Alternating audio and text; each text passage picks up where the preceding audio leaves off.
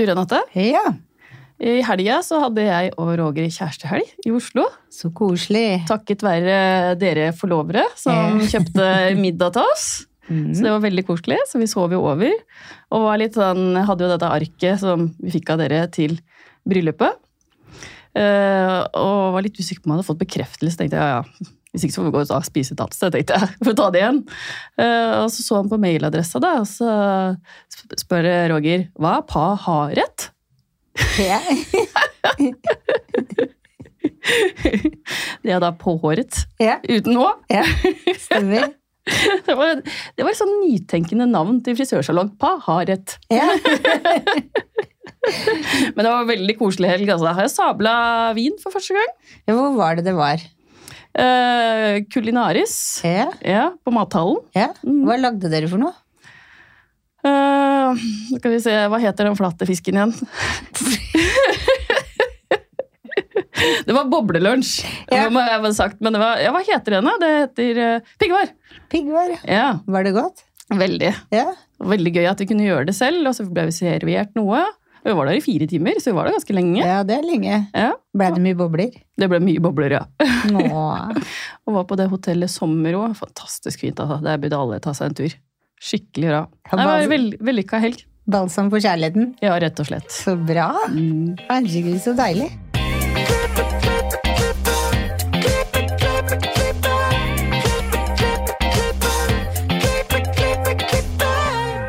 Velkommen til Hårboden. Jeg heter Renate. Jeg heter Ann-Marit. Ja, Ann-Marit, hva skjer hos deg om dagen? Du, Jeg driver og lader opp til høstkonferanse. Det skal være i helga. Ja. Og når jeg sier jeg lader opp, så er det fordi at eh, det er jo et tema. Og det er halloween. Aha! Og jeg elsker egentlig utkledningsfester, bare at eh, det er stress å komme i gang. Hva skal du være? Eh, Chucky. Oi! Mm. Jeg er ekkel dokke. noe. Ja. Skal du ha parykk? Mm, Nei, jeg skal sprayfarge det, tenkte jeg. Oi, så gøy. Og jeg har eh, ikke den rette fargen, så jeg må blande farger. Så dette her blir veldig spennende. Å, så kult. Så dere får følge med på sosiale medier, så skal jeg legge det ut. Nå som jeg har sagt det høyt. Har barna dine sett Chucky? Nei, de kan jo ikke det. det er jo, de er så Ja, de ikke- Ja, det skjønner jeg, men de har ikke liksom Jo, de har sett figuren, liksom. Ja, Ja. ja det har de. Det var det Ja. jeg tenkte på. Ja, for vi alle har jo kjøpt kostymer, for det er jo halloween snart, så det er jo en stor greie hos oss. Så alle handla, og så fikk vi det i posten, og så har vi drevet og kledd oss ut hjemme, da. Balsam for kjærligheten. Ja. Hva med deg? Jo, jeg er ferdig som session, session stylist, så jeg har vært på den graduation-tingen som de har. Og det må jeg si at jeg skulle ønske at det var en fortsettelse på, for når jeg har vært der i ti måneder, så er det litt rart du ikke skulle planlegge å ha det videre. Så det, det er en sånn oppfordring til hverandre. Og Kevin Murphy, lag nummer to, del to, jeg har lyst på. For det, det er kjempe Ja, du savner det. ja, Det som jeg synes er viktig med det, er at ofte så tar man ut, tar i hvert fall ut de produktene man liker best selv. Men når du liksom får gå gjennom alt og se virkningen på alt, og ikke bli redd for at du skal ta i for mye for at håret skal og du må vaske ut produktene før du føner det, ikke sant? Når du lærer deg det, så er det veldig gøy. Så jeg vil ha mer av det. Så det, det er mitt hovedfokus. Da får vi håpe Alexander hører på denne episoden. Men vi sitter jo ikke her aleine. Og dagens gjest har 20 års erfaring fra anerkjente salonger i Oslo, før hun til slutt endte opp på Svalbard som frisør. Og vi er skikkelig nysgjerrige på å høre hva som lokka henne helt opp dit, og også hvordan du starta hele prosessen din.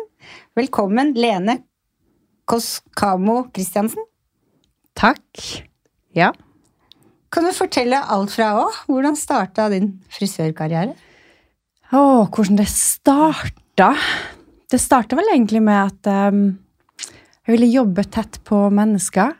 Og noe med noe kreativt. Og få folk, hjelpe folk til å føle seg vakre. Ja, Det var sånn det starta, og da tenkte jeg Hvor gammel var du da? Når jeg tenkte det, Ja. det vet jeg ikke. Kanskje 14 ish, pluss minus. Og så gikk jeg frisørlinja i Kirkenes. Jeg var jo såpass heldig at det var jo én frisørlinje da i hele Finnmark, og den lå i Kirkenes, så jeg kunne bli værende der jeg kommer fra. Eh, Men jeg var veldig, veldig klar veldig tidlig, så jeg flytta hjemmefra som 16-åring. Eh, vokste opp i en stor familie og kjente at jeg trengte litt mer ro og stillhet enn det jeg fikk hjemme. Så flytta mamma dem på landet, og da var det veldig lett escape å flytte på hybel. Og da tenkte jeg også veldig tidlig at Kirkenes blir for lite. Jeg må ha noe større.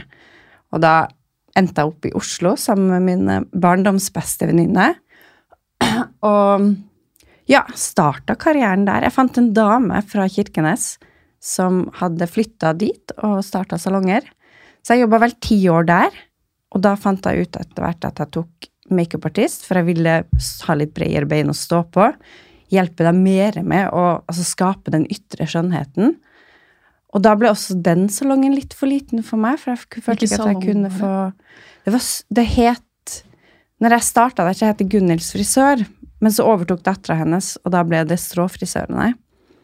Men da etter hvert så slutta jeg der, begynte i Adam og Eva, følte at jeg fikk litt mer spillerom på det kreative.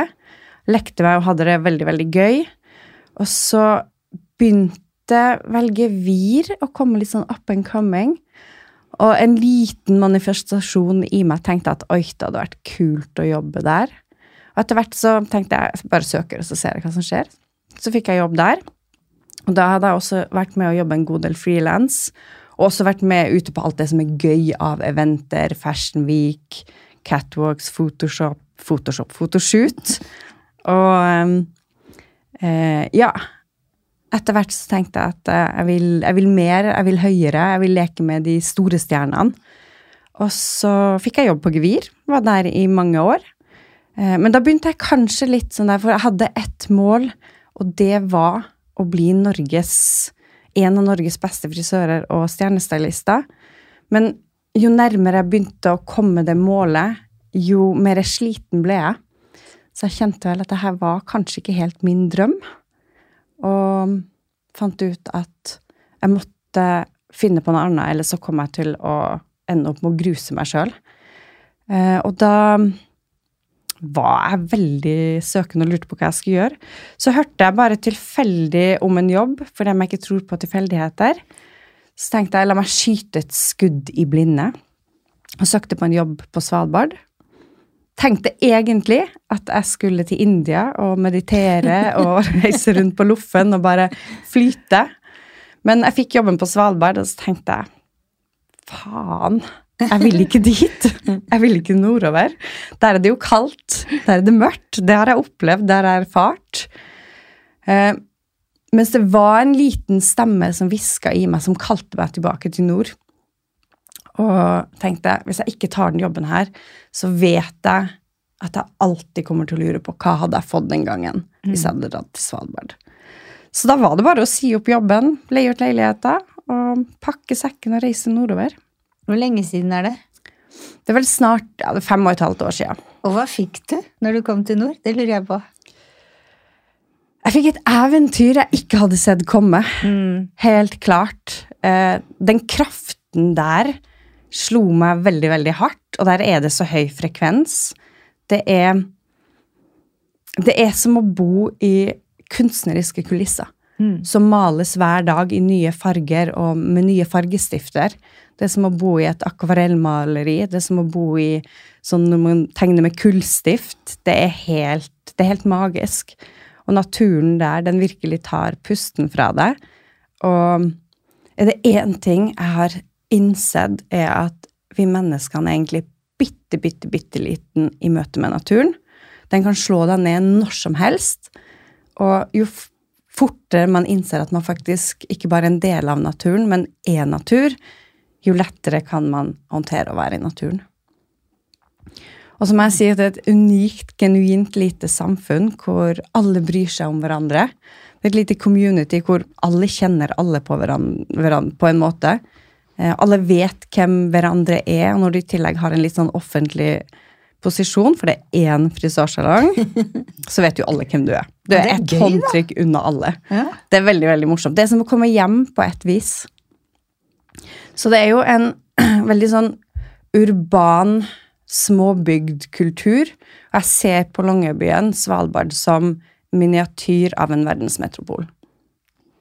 Wow. Ja. Men tror du Jeg må bare spørre, altså, for det har jeg lurt på mange ganger sjøl. Tror du sjela hadde liksom savna mørketid og det at det var lyst hele sommeren? Den savna nok kraften fra nord. Ja. Eh, og jeg skjønte egentlig veldig tidlig før jeg for, at jeg måtte reise tilbake for å hente en bit av meg sjøl som jeg hadde forlatt som veldig, veldig liten, før jeg flytta derifra. Eh, og identitet, hvem jeg er og hva jeg kommer fra. Er du den eneste frisøren der oppe? Nei, vi er tre stykker i salongen. Ja. Så dere kjenner virkelig hele byen? Ja. Hvor mange er det som bor der? Nesten to og et halvt i Longyearbyen. Og så har du et par russiske byer med noen få innbyggere. Bor, leier du, eller har du kjøpt, eller? Nei, jeg leier. Der er det jo litt sånn Er du heldig, så leier du via jobben. Eh, å bo i Longyearbyen er like dyrt som å bo i Oslo. Så hvis du ikke har på en måte suspendert leilighet, at bo, altså jobben har en bolig til deg, så er det veldig, veldig, veldig dyrt. Eh, jeg leier ut min leilighet på Løkka billigere enn det Oi. du må leie på det offentlige markedet. Men du slår meg som en person som følger veldig magefølelsen. Er det, gjør du alltid det? Har du alltid gjort det? Kanskje på et vis så har jeg bestandig gjort det bevisst eller ubevisst. Nå gjør jeg det nok bare veldig bevisst. Det gjelder liksom å kjenne etter hva som føles riktig for en. Men for å gjøre det, så må du også bli kjent med hvem er du egentlig. Hvem er du, hva er du, hva er din indre stemme? Og kanskje være klar på å se signalene og symbolene rundt deg. De, de er jo egentlig rundt oss hele tida. Hvis vi er åpne, så har vi hele tida guiding. Hva, hva, ja, hvis noen lyttere sitter der og jeg burde fulgt magefølelsen min oftere, har du noen tips til dem? Gjør det. Gjør det? Så enkelt! Fantastisk. Kjenn etter din intuisjon, og følg guidinga. Jeg, tenker og tror at vi har guiding rundt oss. Hvem det er som guider oss, og hva det er som guider oss. Det, om det er vårt høyere selv, eller om det er våre forfedre, eller altså signalene fra universet. Mm. Symbolene kan være overalt. Det er bare du som må kjenne etter hva som resonnerer med deg når du møter det symbolet. Mhm. Hvordan, hvordan gjør du det når du kjenner du får et signal? Hvordan merker du det? Følelsen i kroppen. Ja, og da bare følger du det? Ja, stort sett. Av og til så kan jo en guiding være en guiding i en retning som er riktig for deg, men det betyr jo også at du må ut av komfortsonen. Eh, Det er jo ikke alltid like behagelig eller morsomt, så da Du kan jo velge å følge det eller ikke følge det, men jeg tenker at knuffene kommer på et vis, og jo mindre du lytter til dem, jo hardere blir knuffet, og jo mer ubehagelig blir det å gå ut i det. Så hvis du bare gjør det med en gang, så er det litt lettere enn at du slutt, til slutt bare blir slått ned i dørken. Men hvordan var det fra det høye tempoet i Oslo til Svalbard? Det må jo ha vært en overgang? Ja, det var Jeg tror noe av det første jeg kom, tenkte på når jeg kom, var at det var så stille. Det, vil si, det var en kunde som sa det til meg, som hadde vært på Svalbard, at der er det så stille at du hører dine egne tanker. Og jeg vil også si at der er det så stille at du hør, kjenner etter dine drømmer tydeligere, både når du sover og dine drømmer innifra blir klarere for deg. Og jeg har ikke tenkt over hvor mye hvitevarer lager lyd før jeg flytta dit. For der er det stille. Men det er en veldig veldig behagelig stillhet. Jeg husker jeg fikk litt sånn der er panikk eller sjokk, eller var ikke vant til å ikke ha et høyt tempo. Tenkte når jeg er ferdig på jobb seks hver dag, hva skal jeg gjøre da? For jeg var vant til å jobbe til både ni, ti, og av og til så står man Du er aldri ferdig for du er ferdig med den siste kunden og har rydda salongen. Så av og til var jo klokka til og med altså, halv ti-ti. Sånn, hva skal jeg gjøre når jeg er ferdig på jobb? Og praktisk talt alt er fem minutter unna. Så fra jeg var ferdig på jobb til jeg kom hjem, så hadde det gått fem minutter. sånn, Så du, du brukte så lite tid. Hva skal jeg gjøre med all den tida jeg har til overs? Hva Ja, hva, gjorde gjorde, du? ja, hva gjorde du? Altså, det, hovedsaken til at folk kanskje er på Svalbard, er jo for å dra på tur. Naturen er jo rett utafor døra di, så det er jo bare å ta på skoene og gå på en fjelltopp. Dra på hyttetur i helgene, båttur, skutertur, gåtur. Eh, men mest av alt så har jeg kanskje lært meg å like min egen stillhet. Vær, og spesielt også når man jobber som frisør, stå åtte timer i energifeltet til noen andre og serve de og få de til å, føle seg bra, og det skal være hyggelig, og de skal få, føle seg fine når de går. så er det ekstremt viktig for meg nå med egentid. Jeg står gjerne opp to-tre timer før jeg skal på jobb for å ha egentid. Når begynner du på jobb? Ti. Men egentid kan jo gå i å gjøre yoga, meditere, drikke kaffe og se på utsikten. Mm. Jeg må bare spørre, for jeg er litt nysgjerrig. Hva sa Agnes eller Gevir når du sa nei, nå hopper jeg her, jeg skal til Svalbard? Hva, hva var reaksjonen? Eh, Jeg tror Agnes kanskje så den komme, at jeg kom til å gjøre et valg. Jeg tror nok Agnes også var en av de som så Og det er jeg veldig takknemlig for, for hun så kanskje at jeg ikke var på det beste stedet i livet mitt, og at det egentlig bare ble mer og mer forknytt. Så hun faktisk sendte meg til en Jeg vet ikke, altså Han er på en måte astrolog-psykolog, eller jobber med psykologi, og mente at han kunne være en fin hjelp for meg, fordi at han også var åpen for det alternativet. Så jeg vil tro at hun bare var glad på min del, for min del at jeg dro til et sted som kanskje var mer riktig for meg. Mm. Det høres ut som du har funnet Nordens India, hvis jeg kan si det. Ja, Ja, på et vis. Ja, ja. det var en god beskrivelse. Ja. Men hva har du lært om deg selv så langt? For Jeg regner med at du har lært litt om deg selv i stillheten. Eh, ja, og at jeg, jeg kanskje har en sånn indre drive på å møte min egen stillhet, da. Og hva finner du i stillheten? Du finner jo alt det som fortsatt er litt uforløst i deg. Så jeg har jo gått på masse kurs som har, altså man kan putte det i selvutviklingsboksen. Eh, med både astrologi, psykologi, healing, traumer, mindfulness, meditasjon. Jeg finner jo bare kanskje mer min sanne natur. Ja. Hvem jeg egentlig er, hva jeg kommer fra. Og det er ingen som på et vis har overraska meg så mye som meg sjøl. Men så langt fra min egen sannhet hadde jeg jo flykta fra jeg var liten. Mm. Og når du snur deg og går tilbake og møter alt det du har flykta fra, Ja. så til slutt så finner du deg sjøl. Høres så deilig ut. Veldig. Ja. Anbefaler det. Ja. Men hva gjorde, altså, hva gjorde at du ville flykte? Var det kjedelig? Var det mørkt? Var det i Kirkenes liksom, var det storbyen som var lokka at det skulle være så spennende, eller var det kulere, så det morsommere ut? Og så faen, var det ikke det, kanskje? Um, jeg tror nok Kirkenes på et vis ble litt for liten for meg der jeg var, og litt liksom fordomsfull småby, alle mener noe om alle. Eh, At jeg hadde bare lyst til å forsvinne inn i mengden. Ikke synes. Ikke synes, men samtidig også være en som er med på å utgjøre noe. Det vil jeg jo absolutt si når man jobber som frisør. Å få lov til å hjelpe andre med å føle seg vel og fin og vakker. Og ikke bare på utsida, men også hvor psykologisk, terapeutisk, healing det ligger i å få andre til å føle seg vel med seg sjøl. Spennende. Ja, virkelig. Men Ser du for deg at du her kan, blir jeg resten av livet, eller er det en periode i livet ditt, eller hva Jeg tenker du der? har alltid følt at Svalbard er et pitstop. Hvor lenge det pitstoppet blir, vet jeg ikke, for hva er tid egentlig? Lineær tid er jo noe vi som mennesker har skapt, men hva er egentlig tid? Og jeg har slått meg til ro at jeg har egentlig ikke dårlig tid, men jeg skal jo ikke bli. Det jo, alle, skal jo, alle skal fra Svalbard eh, på et eller annet tidspunkt. Du har jo ikke lov til å føde der, og du har ikke lov til å begraves der. Så alle skal Er derifra. Oh, ja. Permafrosten gjør at ingenting skal egentlig under jorda, fordi alt blir jo pressa oppover.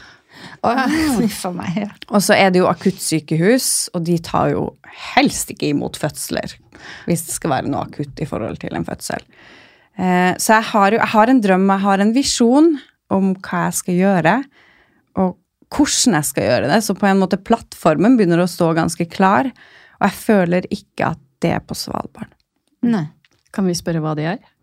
Ja, det er å skape et healing retreat terapisenter. Hvor eh, jeg skal jobbe ikke bare med den ytre skjønnheten, for skjønnhet kommer jo egentlig innifra. Hvis du føler deg vel med deg sjøl og har det bra, så gjør det noe med hele uttrykket ditt, utstrålinga di, spenningene du går og bærer på.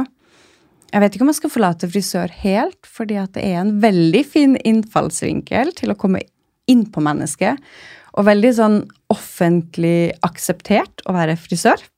Men jeg skal helt klart noe mer. Og jeg skal bruke kraften fra nord og fra mine røtter og gener og gjøre mye av det mine forfedre gjorde før meg. Eh, og så har jeg lyst til å skape et retreat-senter, sånn at andre med litt av samme visjon som jeg har, kan komme og leie det og ha sine retreat, workshop, hva enn de måtte tilby for å være med og heve frekvensen. Mm. Altså, Veldig utrolig spennende. Ja. Men forfedrene dine, du sa det. Hva gjorde forfedrene dine?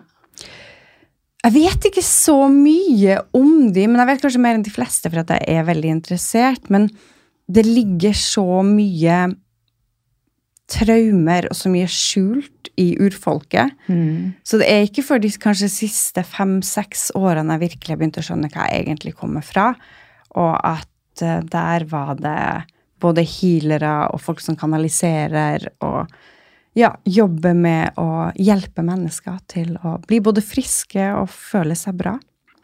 Jeg vet at min tippoldemor hun var bygdas healer og jordmor og kunne stoppe blod, og var den som ble tilkalt når folk var syke.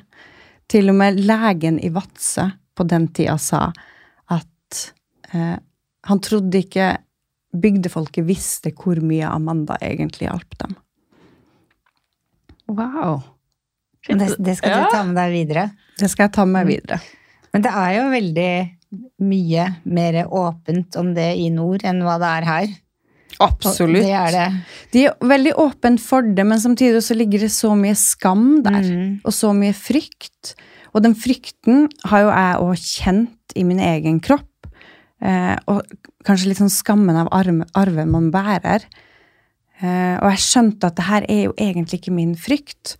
Men de har jo forska på det. Vi bærer jo syv generasjoner med våre forfedre i genene våre. Syv generasjoner med traumer. Så den, den kjenner jeg at jeg måtte jobbe med sjøl. Med å kunne, og det er kanskje det også jeg frykta fra. Ikke ville vedkjenne seg noe som på en måte er så tabubelagt. Det hadde vært lettere om du bare var frisør, Ja, faktisk. Mm, ja. på et vis. ja.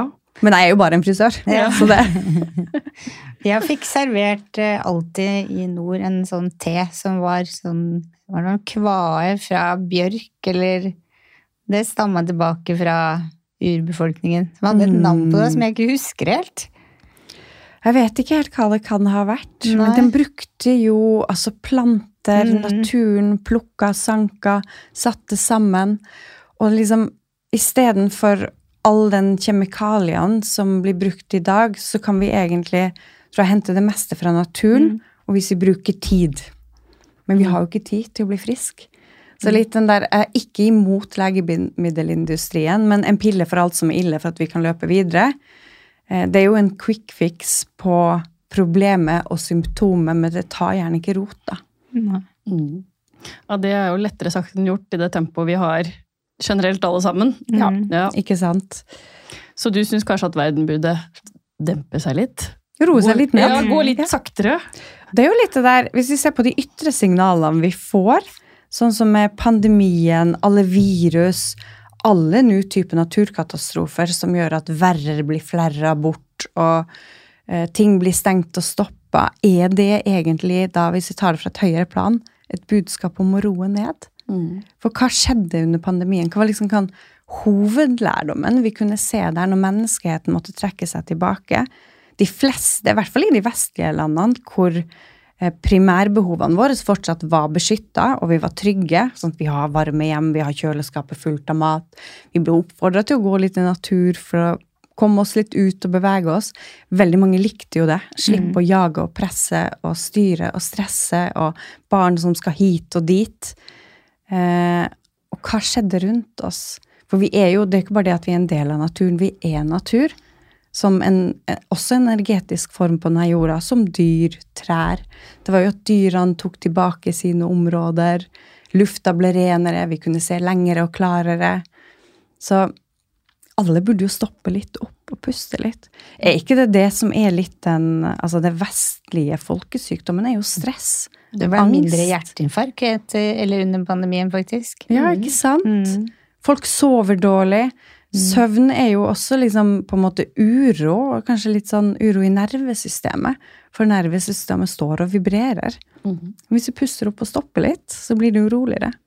Hva, hva var den største forandringen du gjorde etter pandemien?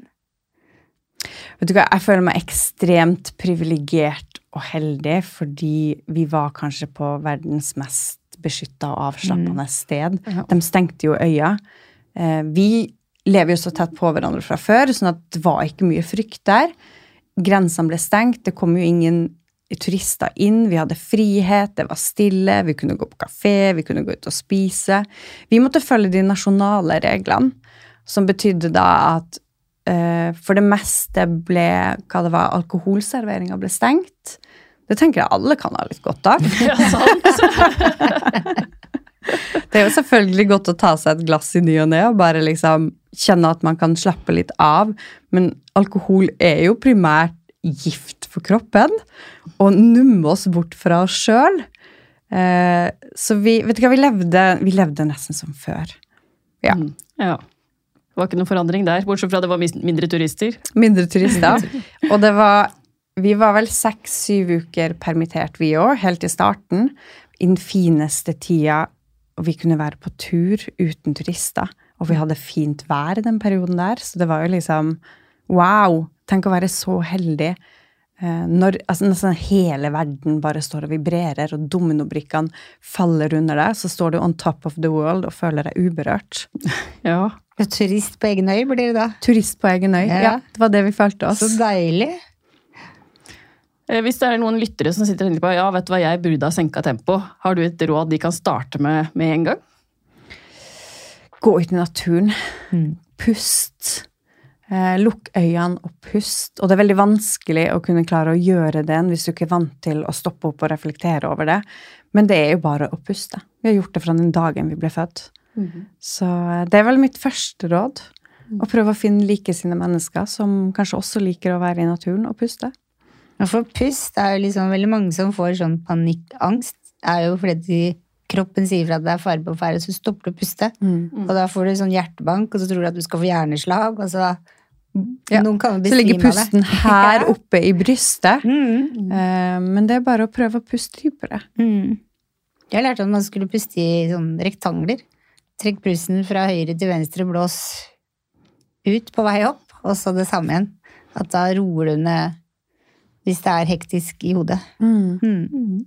Det er jo For du får jo fokuset på det, så hvis man glemmer, lukker øya og glemmer det litt og bare ser for seg den rektangelen, så slipper du i hvert fall å tro at du skal ha hjerneslag og hjerteinfarkt, som er høyst ubehagelig.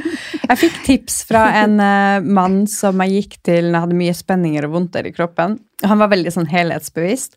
Og han eh, lærte meg å puste på fem sekunder inn og fem sekunder ut. For akkurat da så trente du nervesystemet til å roe ned stress og øke hvile.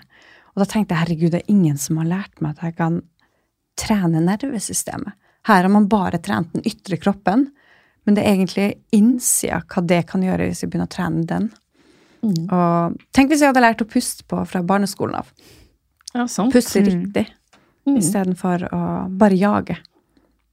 sant. Men kan du savne liksom det høye tempoet og alle muligheter som du hadde den gangen? Eller er det liksom, tenker ikke på det i det hele tatt? Jeg tenker ikke på det, men det er kanskje fordi at i løpet av de her fem årene så har jeg dratt til Oslo for å gå på kurs. Så jeg har jo vært i Oslo hver andre, hver tredje måned cirka. Selvfølgelig med litt sånn urytmisk i pandemien. Men da har jeg jo fått altså inputet, inspirasjon, kjent på energiene, menneskene, påfyll, gå i butikker de ikke har på Svalbard. Har alltid en liste av ting jeg skal handle, og må ha ekstra plass i kofferten jeg skal reise tilbake. Eh, Så, sånn sett har jeg følt meg veldig heldig. Men jeg kjenner etter en uke i Oslo, så jeg gleder meg veldig til å komme tilbake til stillheten og ikke ha stresset rundt meg. For da begynner jeg å bli sliten av det. Mm. Hvem er din frisørhelt? Åh, jeg tror nå Jeg husker jeg leste en artikkel om Jeg tror han er fra Storbritannia. Gary Winer, som er en hilende frisør. Og han inspirerte meg veldig fordi han ville skape et, en trygg atmosfære, et felt hvor han kunne stå og hjelpe mennesker på flere dimensjoner, og at hår alltid skal være hår når du går ut derifra. Ikke ihjelbleke det for å få den riktige frisyren. Det er ikke en, sånn som jeg tenker det, Du kan ikke få eh, et uttrykk av et hår for enhver pris, for hår må fortsatt få lov til å være hår når vi er ferdig med det. Mm. Det er så sant. Ja, det er Ja. sant. Mm. Ofte så er det jo det du er født med, de nyansene du er finest med. Mm. Mm. Og bare er det fremheve ja. det. Så jeg tenker en god frisør sier også nei Mm. om det ikke lar seg gjøre. Veldig Ja. enig. Det skal ikke knekke i løpet av de to-tre neste månedene. Sant.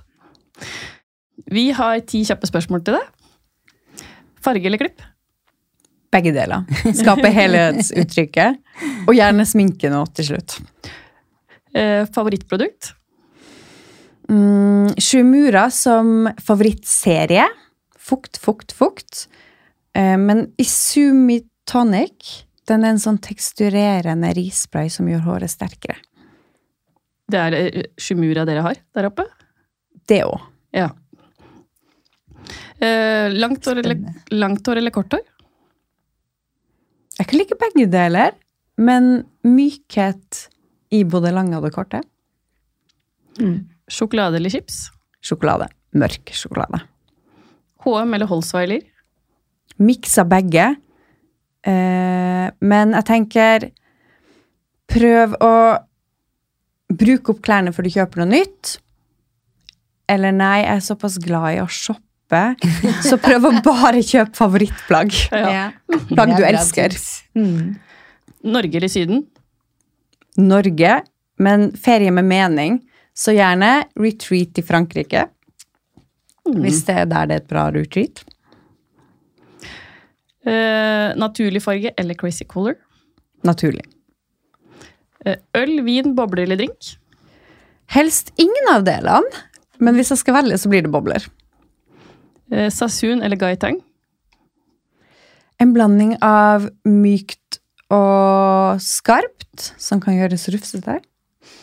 Mm. Eh, Instagram eller TikTok? Instagram, men prøver å logge av så mye som mulig. Men Har du en konto som frisørkonto? Ikke frisørkonto, men jeg har en privatkonto. Ja. Ja. En, før var det nok mer hårbilder der, men nå er det vel kanskje mest natur. ja. Tatt et lite skifte der. Ja. Ja. Og det blir jo på en måte hårbilder litt det òg, da. Det er en natur du er interessert i, så da er det jo Det er det som inspirerer. Ja, det er jo det som Hva inspirerer deg. inspirerer deg, og hva Ja. motiverer deg? Mm. Mm. Jeg kjenner jeg gleder meg til å følge deg framover. Mm. Ja, og se hva du skal gjøre. Ja, det blir spennende. Jeg gleder meg sjøl. Tusen, tusen takk til deg, Lene Koskamo Kristiansen Kosmama. Det var jo det er et veldig kunstnerisk, syns jeg, liksom fint etternavn. Jeg må bare slenge på det. For at du Ja. ville komme til oss og være gjest her. Ja. Det er, jeg har vel lært at det uttales altså, sånn på norsk. Koskamo. Koskamo. Men skal vi si det på finsk, for det er finsk, så blir det Goskamo. Ah, For K blir G. For det er finsk navn? Mm. Ja. Okay. Koskamo. Det er veldig fint. Takk. Og følg gjerne oss på sosiale medier, Facebook, Instagram og TikTok. Og gi oss gjerne stjerne på iTunes og hjelp oss å vokse. Og så høres vi neste uke.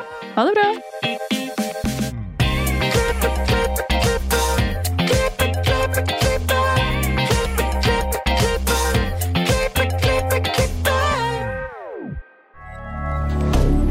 Moderne media. Har du et enkeltpersonforetak eller en liten bedrift? Da er du sikkert lei av å høre meg snakke om hvor enkelt det er med kvitteringer og bilag i fiken, så vi eh, gir oss her, vi. Fordi vi liker enkelt. Fiken superenkelt regnskap.